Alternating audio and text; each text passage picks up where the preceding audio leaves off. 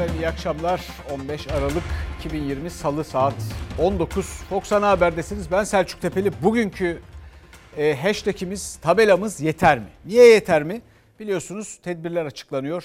Onlar yeter mi? Sonra bir takım destek açıklamaları var. Esnafa, çalışana bunlar yeter mi? Sonra bir kuru ekmek insanların karnını doyurmaya yeter mi? Ve bunun gibi başka şeyler. Siz de bizimle görüşlerinizi paylaşın ve şimdi ilk haberimize hemen geçelim. Biliyorsunuz e, savunma sanayi ile ilgili olarak e, S-400 meselesi yüzünden Amerika ile Türkiye arasında soğuk rüzgarlar esiyor. Amerika'dan Türkiye'ye bir takım yaptırım açıklamaları var. Ankara'dan da sert tepkiler var.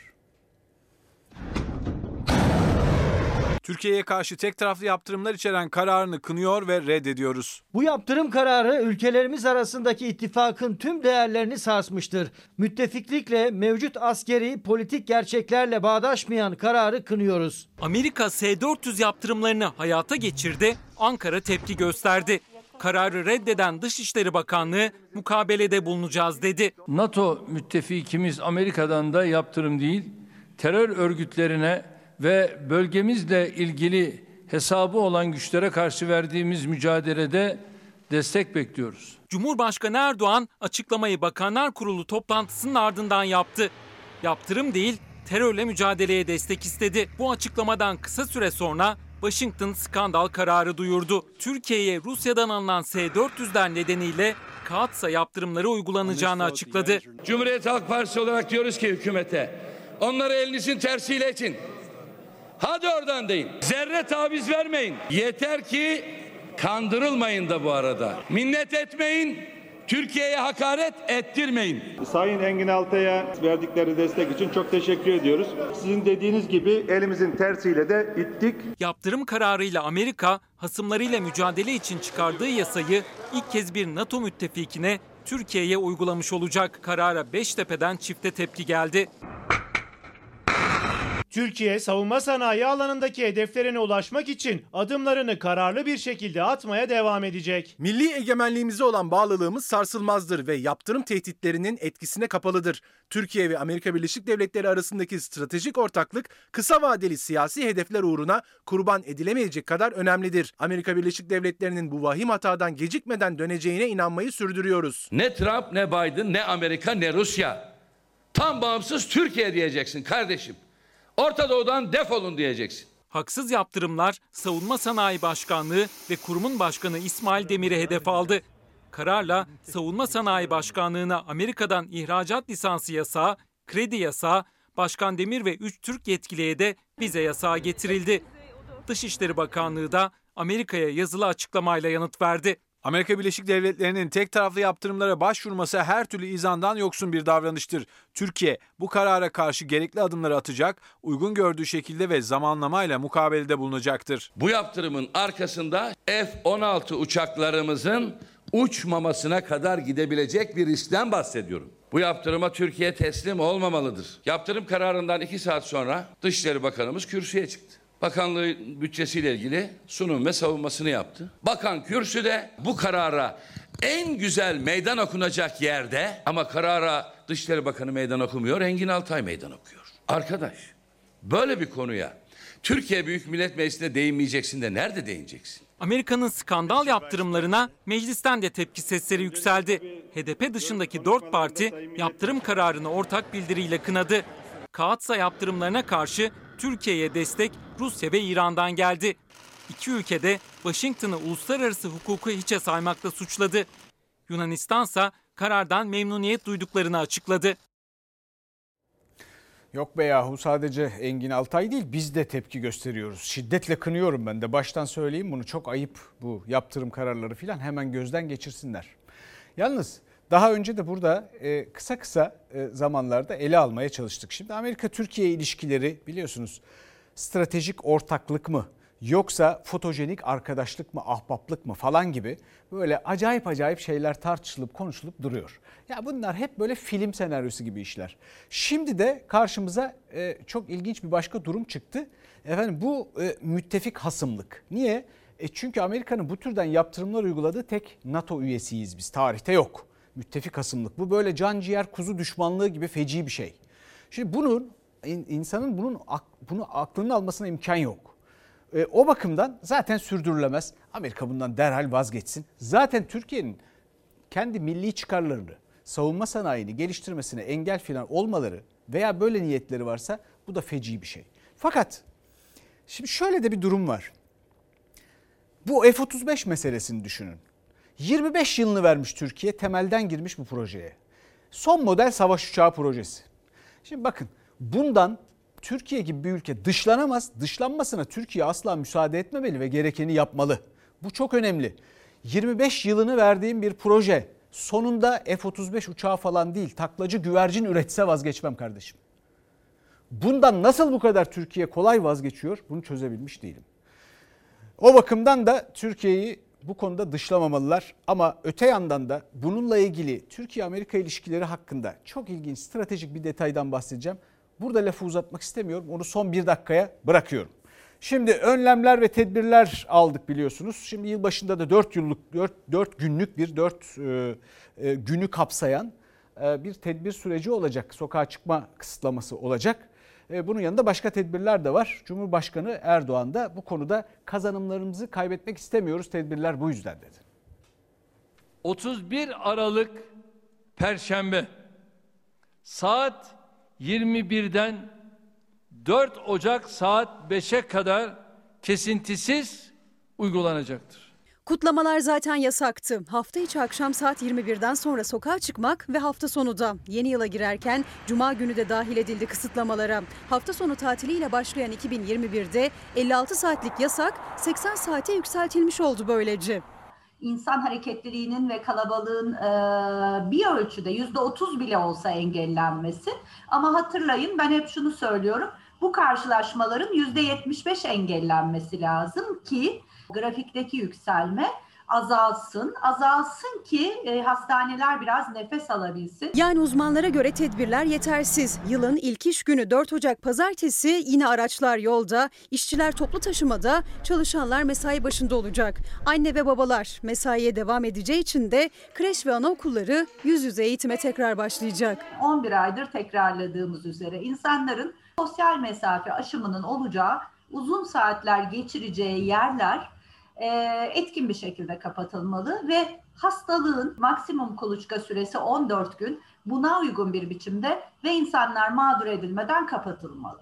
Salgında artış hızı düşüşe geçti denilse de 13 Aralık'ta 218 olan vefat sayısı 229'a çıktı. 26 bine düşen vaka sayısı ise tekrar 29.617'ye yükseldi. Valla bu tabloyu artık yorumlamak istemiyorum diye yorumlayacağım. Çok yorucu artık. Bizim için çok yorucu artık. Oraya baktığım zaman benim gördüğüm şeyler e, beni fiziksel ve psikolojik olarak güçten düşürüyor öyle söyleyeyim. Türkiye'de günlük vaka sayısı 29 binlerdeyken ve uzmanlar daha fazla kısıtlama önerirken Avrupa'da durum çok daha farklı.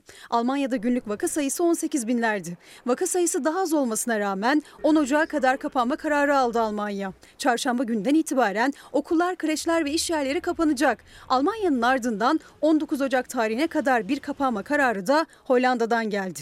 Gerekçe günlük 8 bin aşan yani neredeyse Türkiye'nin dörtte biri olan yeni vaka sayısı. Polonya'da ise günlük vaka sayılarının 10 bin seviyesinde olması 3. dalga alarmına geçirdi ülkeyi. Sert önlemlerin 17 Ocak kadar uzatılmasına karar verildi. Çok fazla ölümü önlemenin tek yolunun hastanelerde iyi bakım ve hastaların sağlıklı bir şekilde sağlık sistemiyle buluşması olduğunu fark ettiler. Şimdi de bir üçüncü dalga gelmesin diye tekrar hareketlenme başlayınca tekrar etkin önlemler alıyorlar. 200'ün üzerinde sağlık çalışanı hayatını kaybetti, şehit oldu.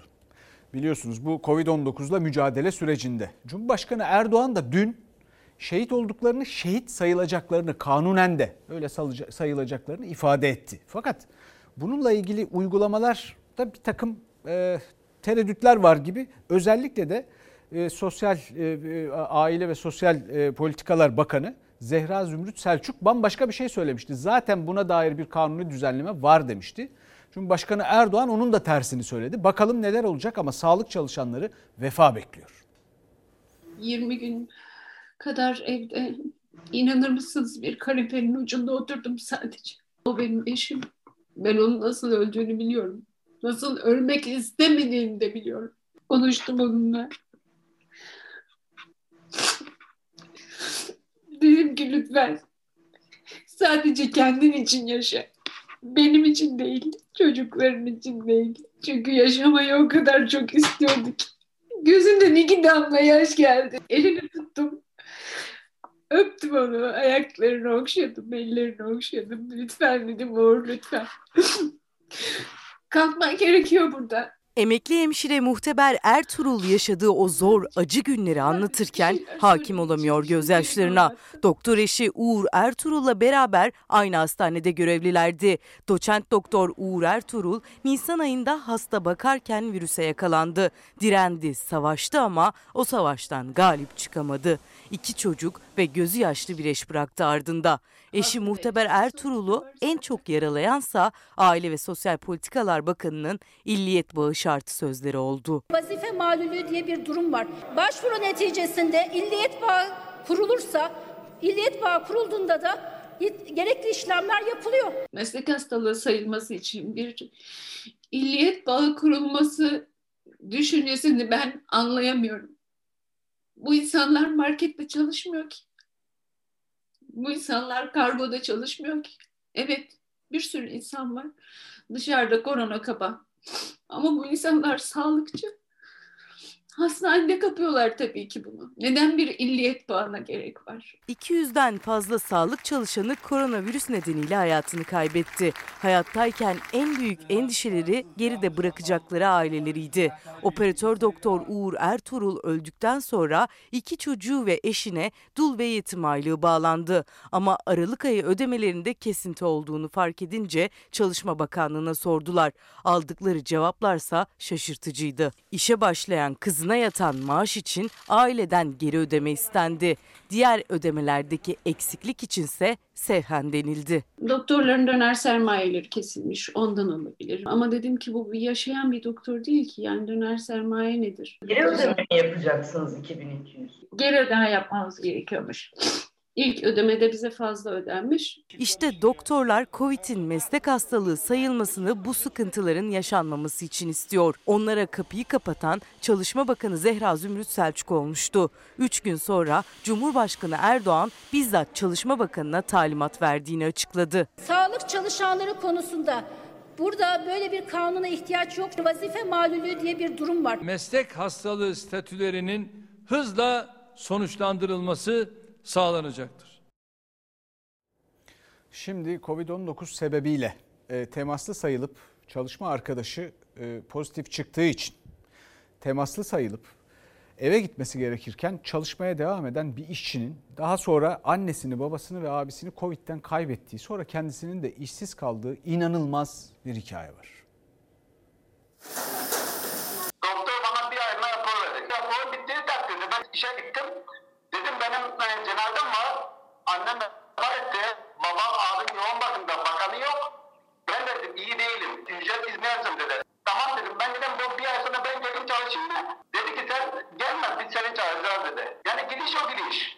Annesini, babasını, abisini kaybetmiş. Bir de üstüne işini kaybetmiş. Bunu söyleyecek kelime bulamıyoruz gerçekten. İşçi İbrahim Karaoğlan'ın yaşadıklarının tarifi yok. Annesini, babasını, abisini fabrikadan eve taşıdığı Covid'den dolayı kaybetmenin acısını yaşayamadan geçim yükü bindi omuzlarına.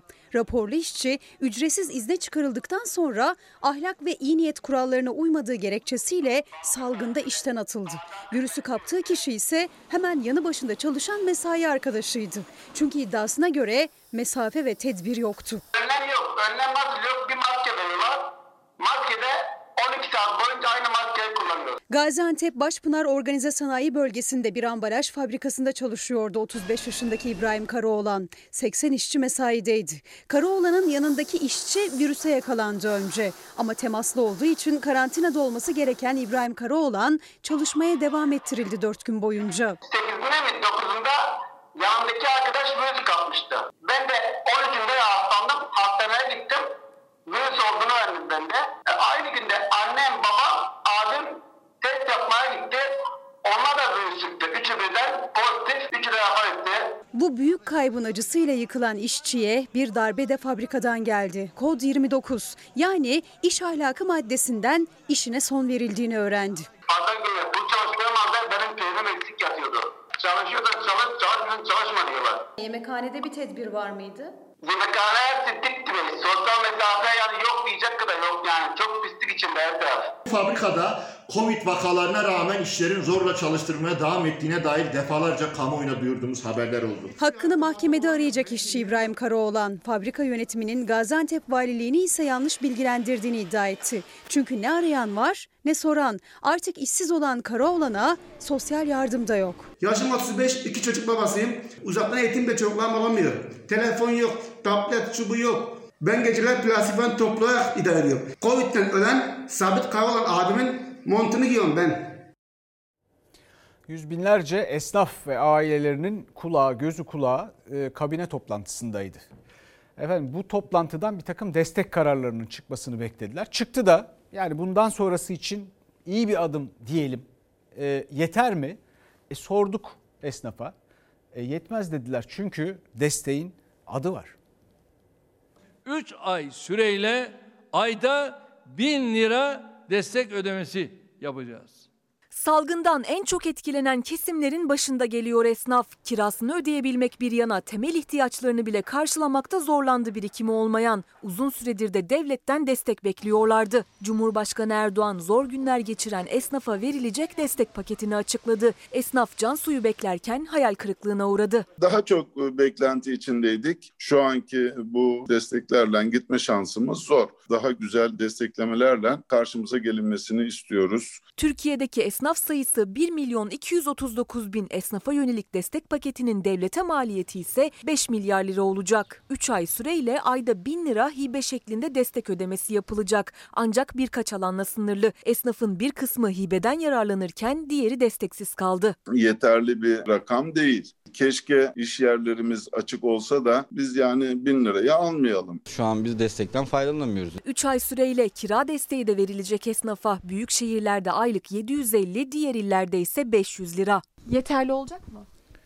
Yani bu dönemde yeterli değil aslında ama bir şekilde idare etmeye çalışacak. Esnafın en öncelikli talebiydi kira desteği. Çünkü gelirsiz olmalarına rağmen aylarca kapalı olan dükkanlarının kiralarını ödemek zorunda kaldılar. Şimdi devlet esnafa ayda 500 ile 750 lira arasında değişen kira desteğinde bulunacak. Ancak sadece basit usulde vergi mükellefi olan esnafı kapsıyor. Bakırköy'ün en işlek caddesinde bulunan birçok esnaf bu kira yardımından faydalanamayacak. Örneğin bu dükkan 50 metrekare ve aylık kirası stopajla birlikte 25 bin lira ancak o da kapsam dışında kaldığı için kira yardımı alamayanlar arasında. Basit usul değil. İşte o ne olacak? O zaman biz yararlanamıyoruz. Şöyle bir şey yapılsaydı keşke. Mal sahipleri artık e, veremiyorsan dükkanımından çık, tahliye et boyutuna gelmeden bununla ilgili bir tedbir alınsa Stopaj ve KDV oranları sıfırlanmadı ancak daha önce açıklanan bazı desteklerin süresi 1 Haziran'a kadar uzatıldı. Gayrimenkul kiralamalarda %10'luk stopaj oranı, iş yeri kiralamalarında %8'lik KDV,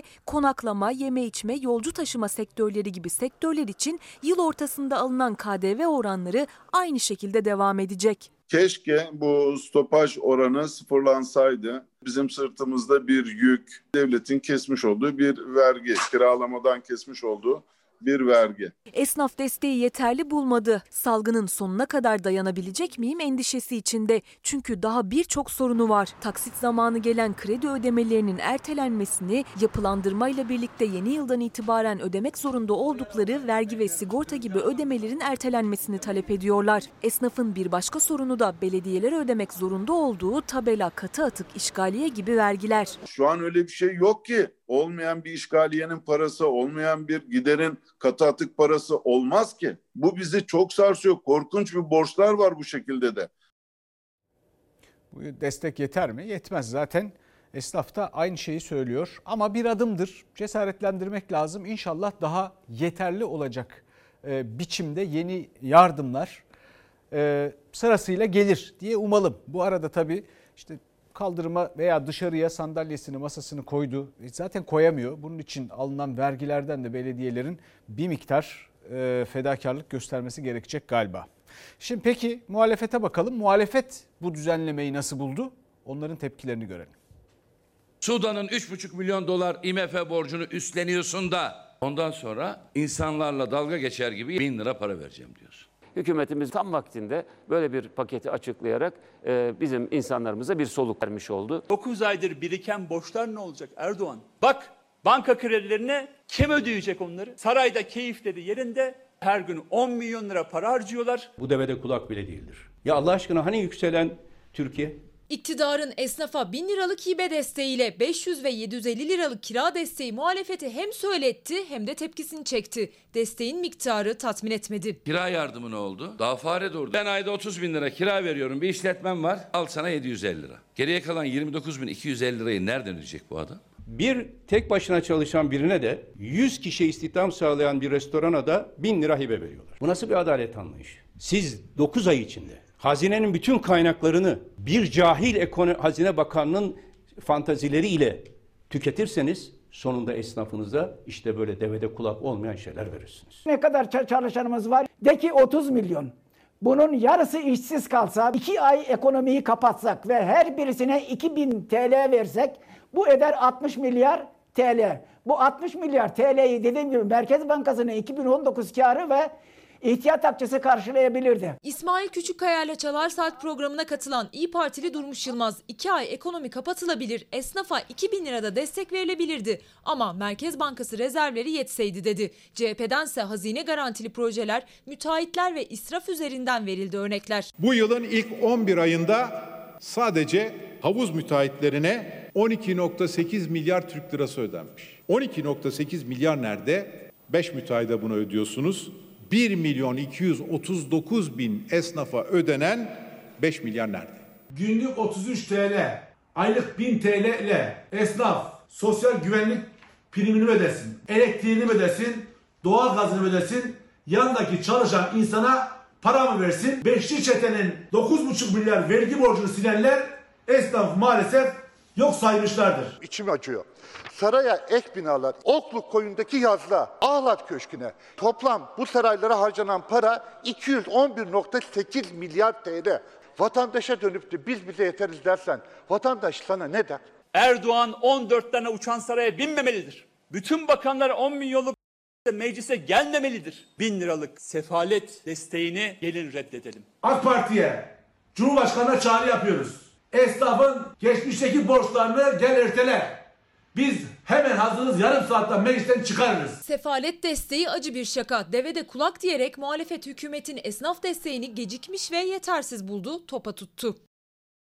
Görüldüğü gibi yeter miymiş? Hayır, yetmezmiş. Hatta şu e, Merkez Bankası'nın kasasından 130 milyar dolara yakın para nereye gitti meselesi çözülmediği sürece bakın bunlar ne yapılsa bu salgınla mücadele sırasında ne destek verilse bu soru daima iktidarın önünde duracak. Çünkü o bir facia. Bir facia. Bir açıklaması yok çünkü bir de hiçbir işe yaramadı. Bir başka faciaya geçelim şimdi. O facia Türkiye Büyük Millet Meclisi'nde gerçekleşti. AK Partili bir milletvekili kuru ekmek yiyenler için aç değil dedi.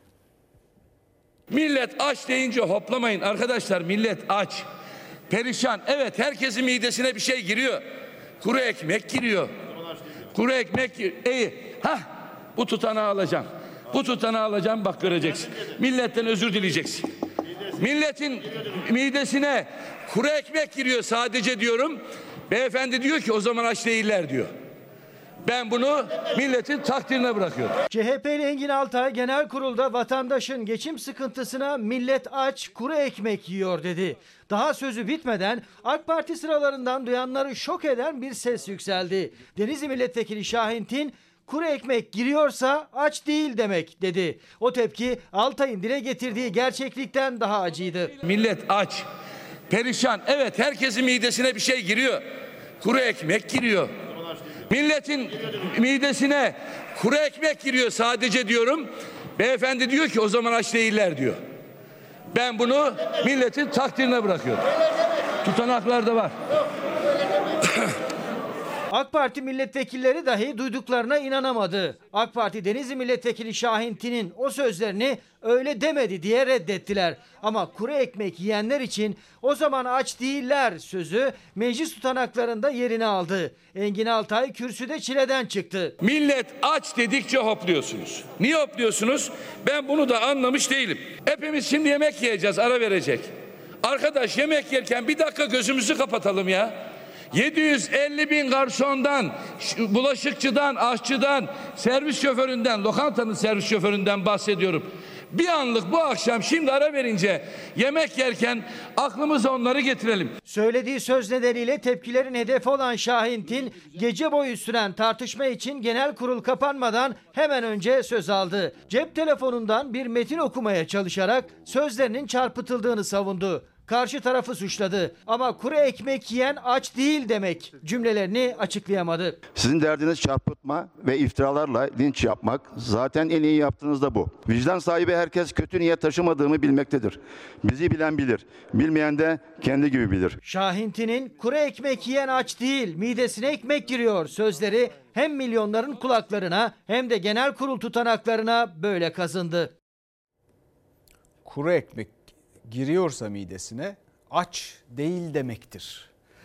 Vallahi buradan Sayın Tini, Şahin Tini benden söylemesi uyarıyorum. Marie Antoinette'le birlikte anılır bundan sonraki yüzyıllar boyunca adı. Marie Antoinette ne demişti? 18. yüzyıldan bir Fransız kraliçesi.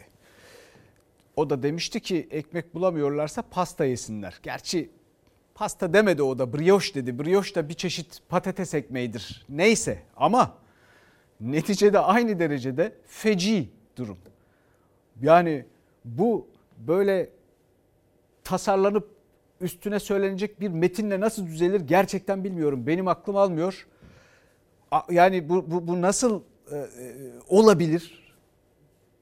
Ve bunun üstüne bunun üstüne bir de savunma yapıyorsunuz. Savunma yeter mi?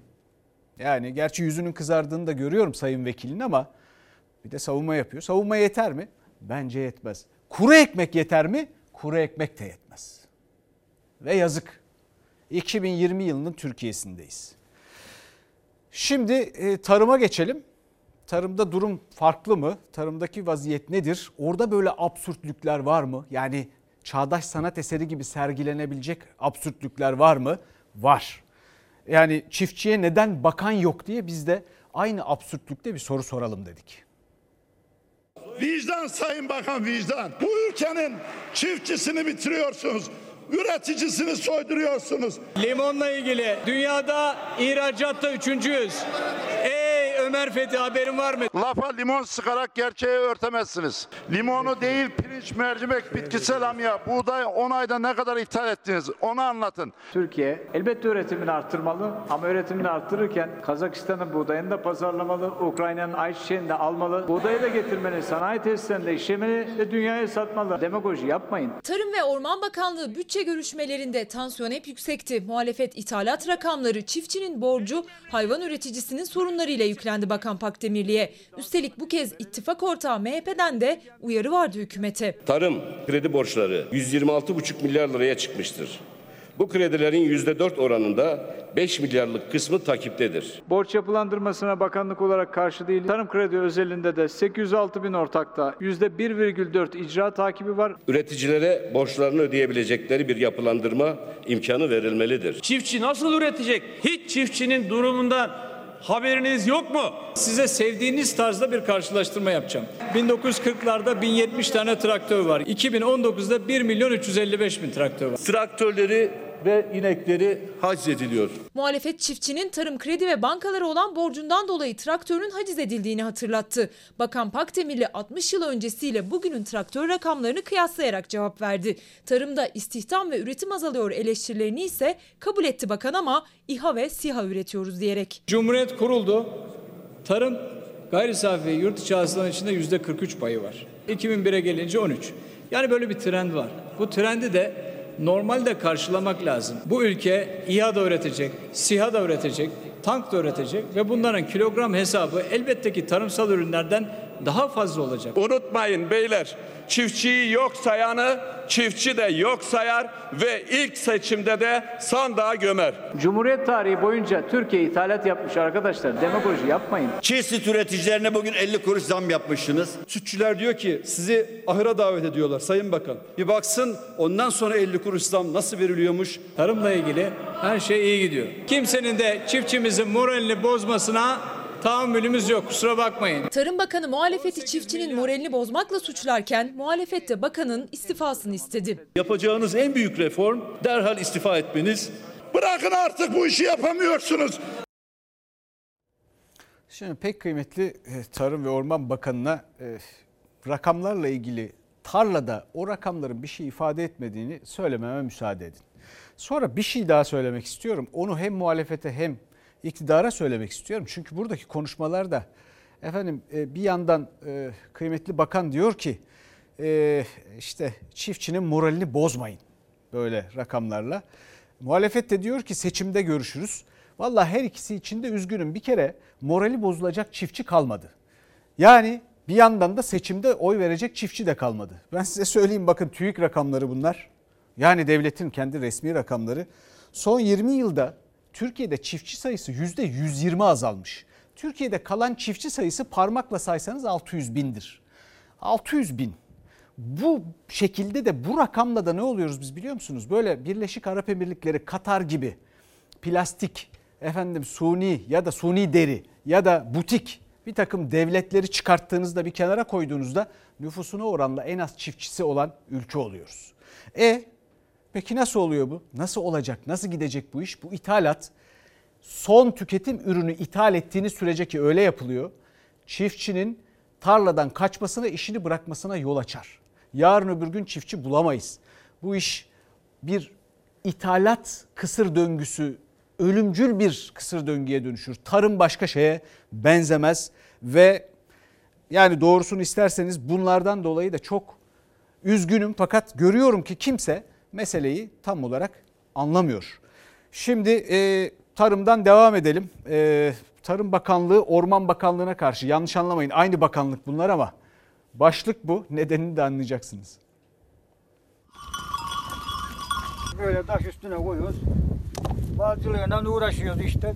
Yer olmadığı için mallar yağmurdan kırılır yani. Bizim malcılığıyla geçim kaynağımız. Hayattaki tek dayanağını, oğlunu 3 yıl önce Hakkari'de vatan toprağına şehit verdi. Bekir Kılınç şimdi hemşerileriyle birlikte geçim kaynağını, ekmeğini kaybetme korkusu yaşıyor. Afyonkarahisar'ın Bolvedin ilçesine bağlı Karayokuş köyünde hayvancılıkla uğraşan küçük üreticinin çoban evlerine, ağıllarına yıkım kararı çıktı. Orman arazisini işgal ettiler diye. Yani bir yanda tarım hayvancılık, diğer yanda orman. Tek bakanlığın iki kolu Afyon'da karşı karşıya kaldı. Bunlara destek vereceğiniz yerde ağıllarını yıkmak hangi vicdana sığar? Orman kanunu var da burada orman mı var? Orman kanunu varsa hayvancılık kanunu niye yok? Atların özgürce koştuğu, koyunların otladığı yaylalarda atalarından beri hayvancılık yapan Afyonlular şaşkın. Orman Genel Müdürlüğü'nden tebligat ulaştı ellerine. Hayvan barınaklarını, çoban evlerini boşaltmaları istendi. 26 Aralık'a kadar boşaltmazlarsa ağıllar yıkılacak. Üstelik yıkım masrafı da hayvancının üstüne kalacak. Uyduruk ağılları betonerme bina mı sanıyor? Yoksa gökdelen mi sanıyor? 4 artı 1 şey mi sanıyor? Ama burayı orman sayıyor. Burada bizim vatandaşımız hayvancılıkla 6-7 ay burada barınıyor. Ondan sonra köyümüze göçüyor kar olduğu zaman. Soğuktan zarar görmemesi için kapalı alanımız olmadı mıydı? Gece eksi 10 derecelerin altına düşüyor bura. Ha biz buradaki yaylalardaki ağılları biz kendilerimiz de yapmadık. Atalarımızdan kalma bir yer. Osmanlı tapularımız bile ellerimizde mevcut bulunmaktadır. Ellerinde Osmanlı döneminden kalan tapu kayıtları da var. 1998 yılında da yine Orman Genel Müdürlüğü ile davalık olmuş ancak mahkemeden bölge için orman arazisi değildir kararı çıkmıştı. Ardından 2019'da bu kez Çevre Şehircilik Bakanlığı'nın imar affından faydalanarak yerleri için yapı kayıt belgesi de almışlardı. Ama tüm bunlara rağmen geçim kaynakları olan arazilerden ayrılmaya zorlanıyorlar. Zaten işsizlik had safhada bunlar şehire mi göçsün? Nereye göçsünler? Yaylalarını yıkmayı iptal edin, durdurun derhal.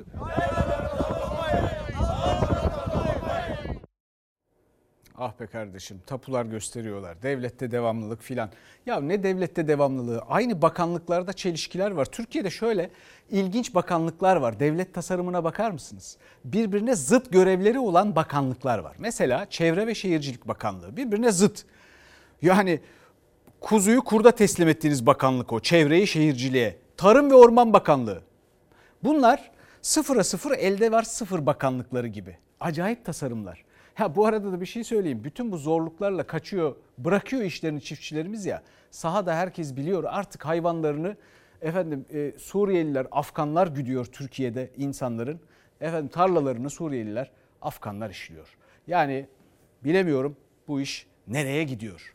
Şimdi gelelim meclisteki bütçe görüşmelerine. Bu bütçe görüşmeleri sırasında öyle ilginç bir tablo oluştu ki son birkaç gündür dışarıda konuşulan şu. Ya bakanların çıkıyor sırayla bakanlar milletvekillerini azarlayıp azarlayıp gidiyorlar. Buna karşın garanti edilen bekler 12.9 milyar dolar. Beyninden konuş beyninden. Bay beni kızdırmayın. PKK terör örgütü. Bay beni kızdırmayın. Sarayın atadığı memur bakanlar milletvekillerine bu kürsüden fırça atmaya cüret edebiliyorlar. Bunlar devlet krizi değil mi? Bu yıl geçmiş yıllardan farklı olarak bütçesini sunmaya ve meclis onayı almaya gelen bakanlar kürsüde muhalefet sıralarıyla birebir tartışmaya girdi. Vekillerin bakanlara soru süresi 40 saniyeye indirildi. Kuvvetler ayrılığı ve atanmışlarla seçilmişler gerilimi gün yüzüne çıktı. O cübbeyi ben giyeceğim, ben karar vereceğim demesini mi bekliyorsunuz? Sayın Tanrı kulu yerinize oturur musunuz? Sezgin Bey. Cumhur İttifakı'na oy veriyorsunuz, öğretmen değilsiniz diyen faşist bir genel başkan varsa bu tavır normal. Sayın Bakan, siz meclise hitap ediniz. Buyurun Sayın Bakan. Muhalefet Cumhurbaşkanlığı hükümet sistemiyle meclisin saygınlığının gölgelendiği görüşünde. Ama bütçe görüşmelerinde bakanlarla muhalefet milletvekilleri arasındaki yüksek tansiyon atanmışların seçilmişlere vesayeti muhalefete göre. Sayın Bakan. Yalanlar konuşuyor burada ya. Sayın Bakan, hiçbir arkadaşımıza yalan konuşuyorsunuz diyemezsiniz. Ya o sizinle konuşalım. Tamam. Siz yalan söyleyince bir Lütfen şey değil, ben oturun. yalan söyleyince özür diliyorum. Ben size. Bu yıllarca karşı çıktığınız atanmışın seçilmiş üzerindeki vesayetinin daniskası değil mi? Haysiyetsizler! Haysiyetsizler! Haysiyetsizler! 20 milyon kere haysiyetsiz lafını aynen size iade ediyorum. Mecliste iktidarla muhalefet arasında tartışmalar her zaman yaşanıyor belki ama en son vekillerin oturdukları yerden söz aldığı bir dakikalık sürede 40 saniye ile sınırlandırılınca meclisin saygınlığı ve vesayet tartışmalarının üzerine tuz biber oldu. Yeni sisteme göre 40 saniyede 9 soru sorma rekorunu ise CHP'li Ömer Fethi Gürer kırdı. 60 bin öğretmen ataması yapılacak mıdır? Sözleşme öğretmenlere kadro verilecek midir? Efendim şimdi öyle bir ilginç durum var ki bakın Türkiye dünyada zor durumda kalıyor bazı denklemler. Mesela Amerika ile son yaşadığımız mesele neydi? Kongre bir karar veriyor. Efendim gidip siz onların politikacılarına, onların yönetimine, iktidarına dediğiniz zaman ne yapıyorsunuz kardeşim siz diye kongre diyorlar. Kongre karar verdi. Biz burada ne yapıyoruz? Biz seçilmişlerimizi atanmışlar vasıtasıyla hırpalıyoruz. Sonra bunlara karşı mukavemet gösteremiyoruz tabii. Efendim Amerika ile şunla bunla böyle yaptırımlarla en iyi baş etme yolu. En iyi iş kötüye gidiyorsa herhangi bir konuda makas değiştirme yolu özellikle dış politikada meclisle birlikte hareket etmektir. Meclisi hırpalamayıp güçlendirmek gerekir. Hepimizi kurtarır. Şimdi gelelim e, mecliste seçim tartışmalarına o da tam gaz. Ülkede seçim yok. Seçim olsa da iktidarın size verilmeyeceğini biliyorsunuz. Yoksa darbe beklentiniz mi var? Çavuşoğlu'ndan bu konuda bir açıklama bekliyoruz. Seçim olsa da iktidarın size verilmeyeceğini biliyorsunuz. Haydi bir dakika şimdi. Ne demek bu? Siz önce 12 Eylül sonra 28 Şubat darbesinin ürünü bir partinin bakanısınız. Siz darbeden bahsederken iki kere düşünmeniz lazım. Dışişleri Bakanı Mevlüt Çavuşoğlu'nun seçim olsa da iktidarın size verilmeyeceğini biliyorsunuz sözlerinin gölgesinde seçim, darbe, Amerika, iktidarla muhalefet arasındaki en hararetli tartışmaydı. Sayın Bakan'a bir çağrım olacak. Bir defa bu bütçeyi tasarruflu kullanın. Tasarruflu kullanın deyin çünkü yılın ikinci yarısında biz devralacağız bu bütçeyi. Hayal görmeye devam edin. Hayal görmeye.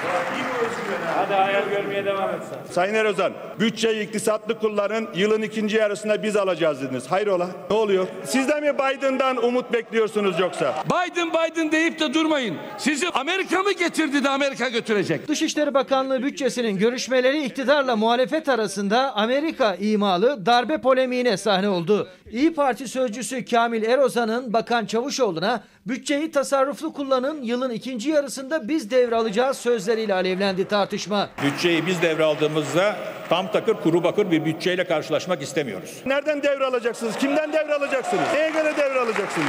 2002'de sizi Amerika getirdiyse bu sizin utancınızdır. Sayın Cumhurbaşkanı daha başbakan değilken Amerika Birleşik Devletleri'nde Başkan Bush'un Oval Ofisi'nde ağırlanmadı mı arkadaşlar? Siz bize niye anlatıyorsunuz? Bakanın muhalefete Biden göndermesinin üzerine darbe beklentiniz mi var sorusunu yöneltmesiyle tansiyon yükseldi. Seçim yok dedi bakan. Seçim olsa da iktidarın size verilmeyeceğini biliyorsunuz. Cümlesi ise dikkat çekti. Ülkede seçim yok. Seçim olsa da iktidarın size verilmeyeceğini biliyorsunuz. Gece yarısı sandıkları patlatacaklarsa, yakacaklarsa ben onu bilmem. Hiçbir şey olmasa da bir şey yapacaklarsa ben onu da bilmem. Ama şunu biliyorum. Millet İttifakı, Cumhuriyet Halk Partisi bu seçimi kazanacağız. Paşa paşa iktidarı devralacağız. Siz de tıpış tıpış gideceksiniz. ABD Beyaz Saray'dan iktidar dilenen Beyaz Saray dilencilersiniz. Milliyetçi Hareket Partisi size çok büyük geliyor. Küçük ortak diyorsunuz ya. CHP bize nasıl büyük görüyor? Siz nerede oturuyorsunuz, biz nerede oturuyoruz? Baksana. CHP ile MHP arasında küçük ortak tartışması da böyle açıldı. Gelecek Partisi lideri Davutoğlu ise seçim başlığında Bahçeli'ye hedef aldı. 1 Mayıs'tan itibaren herhangi bir seçime hazırız. Sayın Bahçeli'ye sesleniyorum. Ne zaman isterseniz biz buradayız. Siz ne baskı yaparsanız yapın buradayız. Efendim MHP Genel Başkanı e, Sayın Devlet Bahçeli'den HDP'nin kapatılmasına dair bir çıkış gelmişti biliyorsunuz. Numan Kurtulmuş da AK Parti Genel Başkan Yardımcısı. E, o da tam tersi yönde başka bir açıklama yaptı. Şimdi orada yeni bir tartışmanın eli kulağında. HDP bir terör sorunudur, bölücülük yuvasıdır. Adalet ve hukuk mutlak surette devreye girmeli. HDP'nin kapısına açılmamak üzere kilit vurulmalıdır. Parti kapatmaların Türkiye'de geçmişte çok e, olumlu sonuç vermediği görüldü. MHP lideri Bahçeli'nin HDP kapatılsın çıkışı için iktidar günler süren sessizliğini bozdu. AK Parti Genel Başkan Vekili Numan Kurtulmuş Cumhur İttifakı ortağından gelen isteğe yeşil ışık yakmadı. HDP'ye seslendi. Baştan beri HDP'de siyaset yapanlardan istediğimiz şu. Türkiye bir milli beka meselesi olarak terörle mücadele ediyor. Ne olur şu terörle aranıza bir duvar örün. Hem de aşılmayacak duvarlar örün. PKK'nın Türkiye düşmanı, Kürt halkının düşmanı, eli kanlı terör örgütü olduğunu açıkça ifade edin. Bir kere HDP'nin en büyük handikapı budur. Bunu maalesef bir türlü e, gerçekleştiremiyor. HDP Türk siyasetinin taşıma ve hazmetme kapasitesi dolmuştur. Bu terör ve bölücülük yatağı kapatılmalıdır. Oh! Paralar PKK'ya gitmiyor. Millete gidiyor. Oh! En son İçişleri Bakanlığı'nın bütçesi görüşülürken iktidarla HDP karşı karşıya gelmişti. AK Parti ve MHP sık sık HDP'yi terör örgütü PKK ile ilişkilendirirken Kurtulmuş da altını çizerek HDP'nin terörle arasına mesafe koyması gerektiğine vurgu yaptı. Kapatmayla ilgili olarak da HDP'nin halkın oylarıyla seçilmiş yasal bir parti olduğuna dikkat çekti. Bahçeli'nin aksine sözleri yumuşaktı. Parti kapatmaktan ziyade legal olarak faaliyetini sürdürdüğünü iddia eden partinin ya da partilerin Türkiye Cumhuriyeti Devleti'nin temel ilkeleri çerçevesinde Türkiye'de halklar arasına düşmanlığı koymayacak şekilde bir siyaset tarzı benimsemeleri zorunludur. Cumhurbaşkanı Erdoğan hala sessiz. İlk ses veren kurmayı kurtulmuş oldu. Bir anlamda AK Parti'nin Bahçeli'nin HDP kapatılsın isteğine tavrı da bu sözlerle dile geldi. Gözler Erdoğan'da ama bir o kadar da AK Parti'den gelen olumsuz tepki sonrası Bahçeli'de. Evet izleyicilerimizden gelen birkaç mesajı paylaşmama müsaade edin.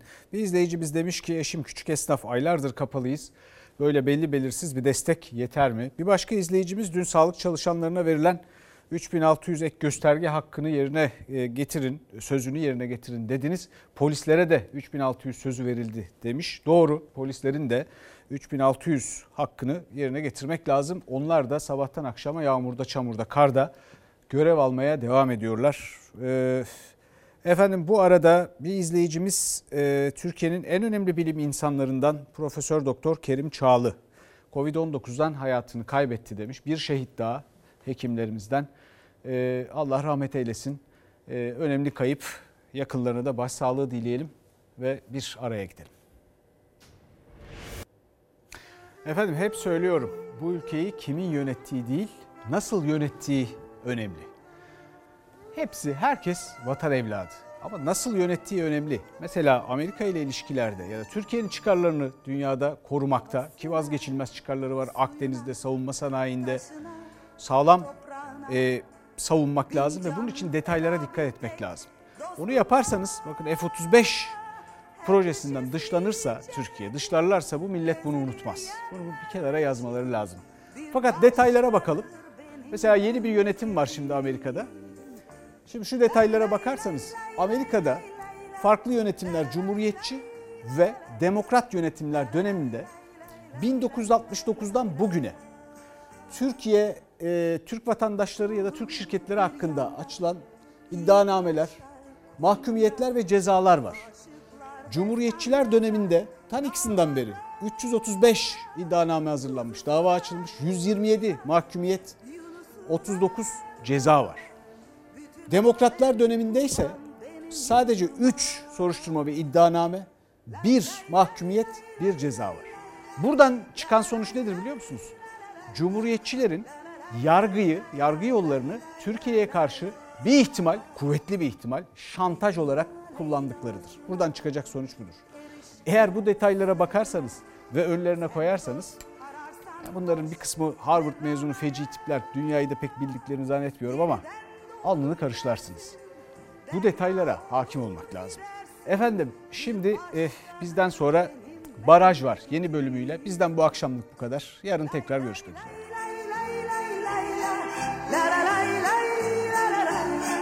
la la la